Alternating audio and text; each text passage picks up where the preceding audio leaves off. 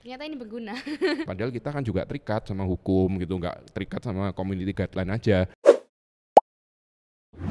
Izinan gitu, aku Hmm. pasti mikirnya kayak ribet gak sih? Maksudnya kayak ribet mau izin ke misal Siapa gitu iya, ya? ke siapa? Soalnya kan kalau lagu tuh biasanya iya kalau yang nyanyi dan so- dan songwriternya dan arrangementnya sama ya Hmm. orang orangnya. Mm-mm. Kalau beda, biasanya kayak songwriternya beda, orang nyanyi beda, yang arrange juga beda kayak gitu. Itu izinnya berarti gimana? Nah, gini sih, kalau kita ngomongin hak ciptanya lagu ya, itu terbagi dua. Jadi ada istilahnya itu hak untuk compositionnya, ada untuk sound recordingnya. Oke. Nah, memang ribet. Jadi Ribet ya eh, guys. ribet memang. nah, sound recording itu maksudnya kalau kita bikin eh, rekamannya. Jadi kan kita kalau bikin lagu tuh prosesnya nggak langsung jadi lagu kan ya. Benar. Pasti kita nulis dulu komposisinya, eh, habis itu tulis melodi, liriknya, nanti direkam baru jadi, ya kan. Nah, mestinya kita itu izin eh, kalau yang paling utama itu ke yang paling ujung. Jadi eh, komposernya itu siapa? Yang nulis lagunya siapa. Biasanya itu kelihatan ditulis eh, penciptanya siapa itu ada siapa koma siapa koma siapa gitu. Itu yang utama. Nah tapi kadang kita harus juga minta izin sama yang punya eh, bisa biasanya sih kita bilang masternya itu tadi. Hmm. nah jadi yang masternya itu kita minta izinnya juga untuk kita pakai nah tapi kita sekarang harus izin ke mana kan gitu? Ya harusnya sih kita bisa sih kontak. Kebetulan eh, kemarin kita ada kenalan yang juga pakai cara seperti itu. Jadi kita kontak ke songwriternya dan mereka justru mengapresiasi. Jadi jangan kita anggap oh kita nanti eh, dianggap kita ini mau nyaingin atau gimana. Eh, musisi atau artis itu kadang eh, mereka justru mera- merasa diapresiasi oleh pihak-pihak yang tahu ba- bahwa mereka ini nggak melanggar haknya eh, pencipta aslinya ini tadi. Nggak masalah dicoba aja dikontak di email biasanya bisa kok dibalesin. Apalagi kalau eh, dari artis atau seniman yang sudah tergabung di manajemen gitu ya bisa dicoba juga kontak ke manajemennya atau publishernya. Banyak sih gitu. Tapi yang utama mungkin eh, bisa yang utama dikontak ini aku langsung ngasih secara praktisnya aja ya. Jadi ke yang penciptanya itu tadi. Jadi kayak kemarin waktu aku ke waktu aku ke Jakarta kemarin tuh sempat Hmm.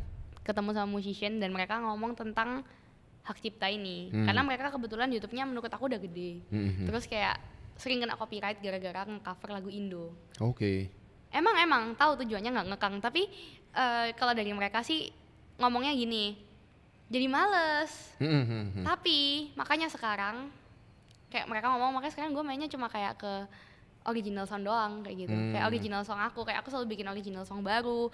Sampai orang-orang ini nunggu single aku kayak gitu. Soalnya kan lebih nggak kena copyright apalagi mereka ngurusinnya sendiri. Kayak Hmm. bisa mulai dari arrange terus kayak produce-nya mereka sendiri, kayak mereka nge-mixing sendiri, mereka mastering sendiri kayak gitu. Hmm. Jadi bener sih ada benernya kayak memotivasi untuk lebih berkreasi lebih Iya. lagi. Bahkan nanti kalau dia udah punya lagu sendiri, dia yang reportin orang nanti. Iya benar benar benar.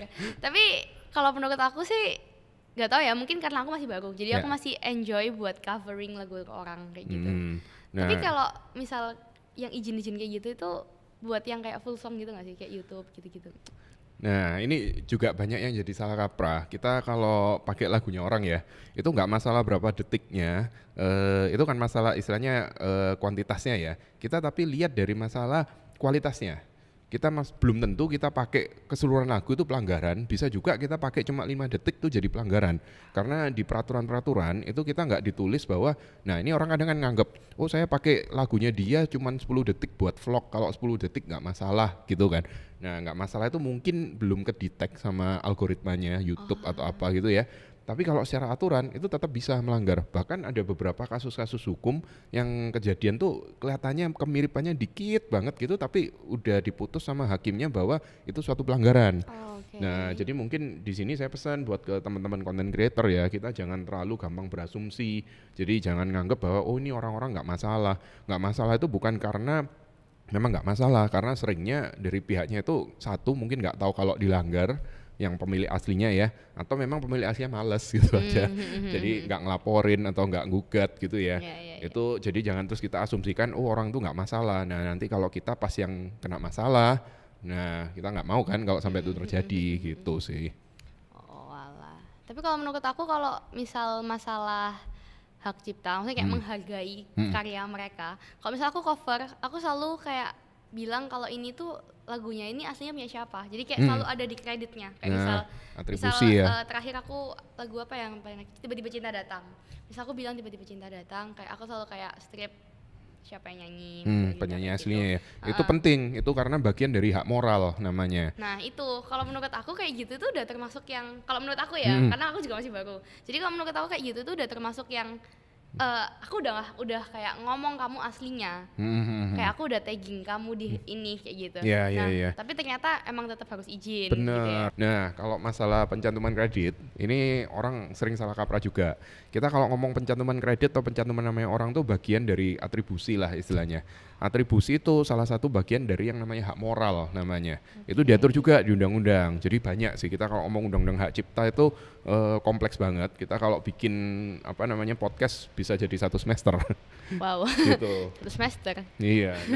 Nah, eh, kita kalau ngomong hak moral, selain kita harus atribusi, ada juga yang namanya integritas. Oke. Integritas tuh jadi gini, ini yang harus diingat teman-teman ya, apalagi di era TikTok ini banyak banget yang suka jadiin lagunya orang jadi koplo, bener gak? Mm, benar, Nah. benar. Semua dijadiin koplo guys. Lagu sedih jadi koplo, jadi ketawa Nah, saya. Itu dia.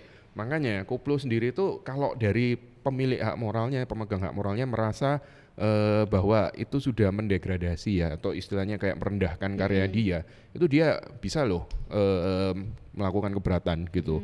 Jadi harus hati-hati juga, jangan sembarangan kita pokoknya mood kita supaya koplo, mood kita supaya enak, lagu semua dijadiin koplo gitu ya.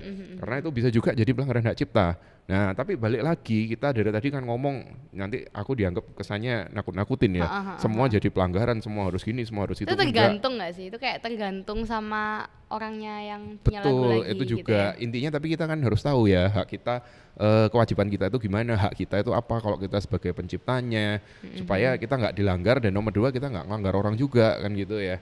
Intinya sih kayak gitu. Ini hujan ya by the way ya. Jadi Iya, kalau teman-teman hujan banget merasa ya. Ada suara-suara ambience di sini karena memang ini lagi hujan gede banget ini. Bukan kita bikin-bikin ya, bukan eh, Gimana cara bikin palsu. hujan kok nggak bisa, guys? Oke.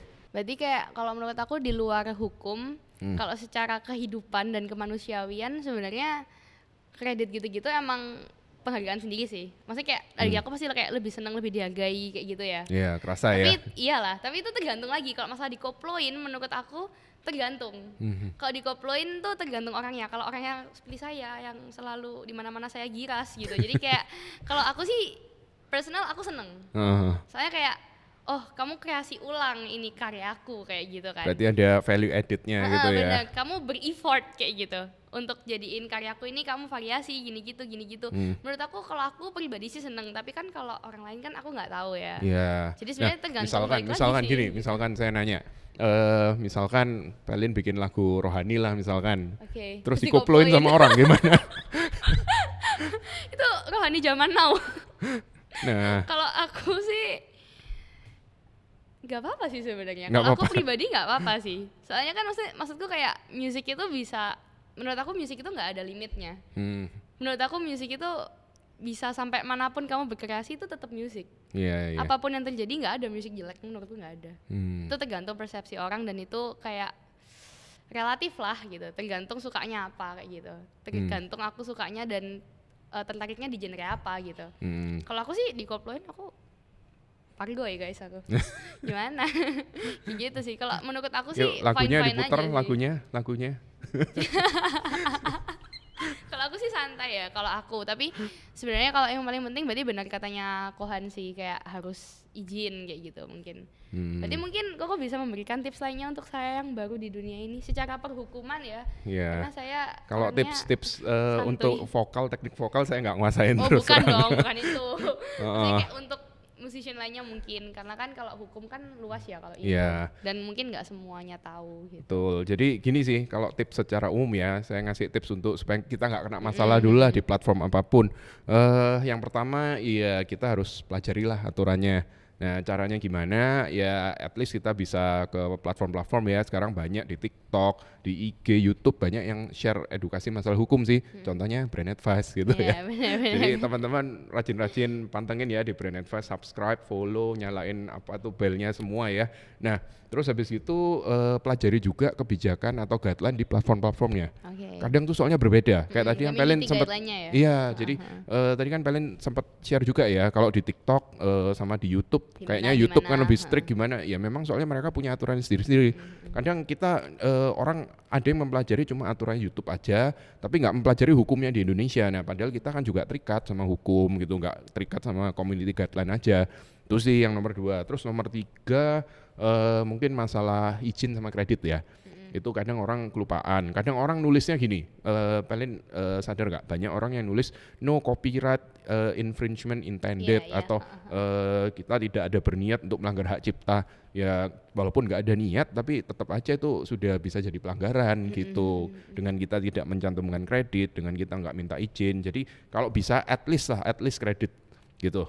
Nah, kredit itu pun kita harus memberikan yang proper. Proper itu maksudnya gimana? Kadang ada orang yang minta dikredit pakai nama panggungnya. Ada kok orang yang minta dikredit pakai nama lengkapnya. Jadi mungkin dia punya songwriting name sama punya performing name gitu misalkan. Nah, kita harus memberikan sesuai yang eh, dia mau gimana. Nah, caranya gimana? Ya biasanya sih kita bisa dengan nanya. Tapi Izin balik lagi kan lagi, balik lagi iya, izin. izin Iya, berarti juga paling itu. izin, guys. Paling benar itu memang hukumnya seperti itu. gitu. Terus yang terakhir masalah kontrak. Nah, kontrak itu maksudnya gimana? Kadang kita misalkan eh, ada job sama orang mungkin Pelin kayak sebagai content creator gitu kan. Nah, terus habis itu eh, dikasih eh, kerjaan kamu pakai lagunya si ini eh, terus habis itu eh, disuruh bikin konten tentang inilah misalkan gitu ya. Nah, itu pertanggungjawabannya sampai mana? Jadi misalkan eh, nanti ternyata ada pelanggaran hak cipta segala macam. Nah, siapa yang tanggung jawab gitu kan? Apakah sebagai konten kreatornya yang cuma bikin kontennya aja atau yang nyuruh atau gimana? Nah, makanya eh, batasan-batasan itu semua harus dibingkai dalam kontrak yang jelas gitu sih kurang lebih tips-tipsnya. Bagus guys, ternyata brand advice ini nggak buat orang umum aja, buat semuanya. Saya juga perlu guys ternyata. Ternyata ini berguna. Perlu sih. perlu Nanti- perlu apalagi di bidang musik sih. Buat kalian yang masuk di bidang musik atau suka suka lah sekedar konten pun juga perlu tahu ini sih menurut aku. Sama kalau buat netizennya ya pokoknya kalian nggak apa-apa beropini, tapi maksudnya ada batasnya. Kalian nggak boleh sampai ngelewatin, takutnya kalian yang kena gitu.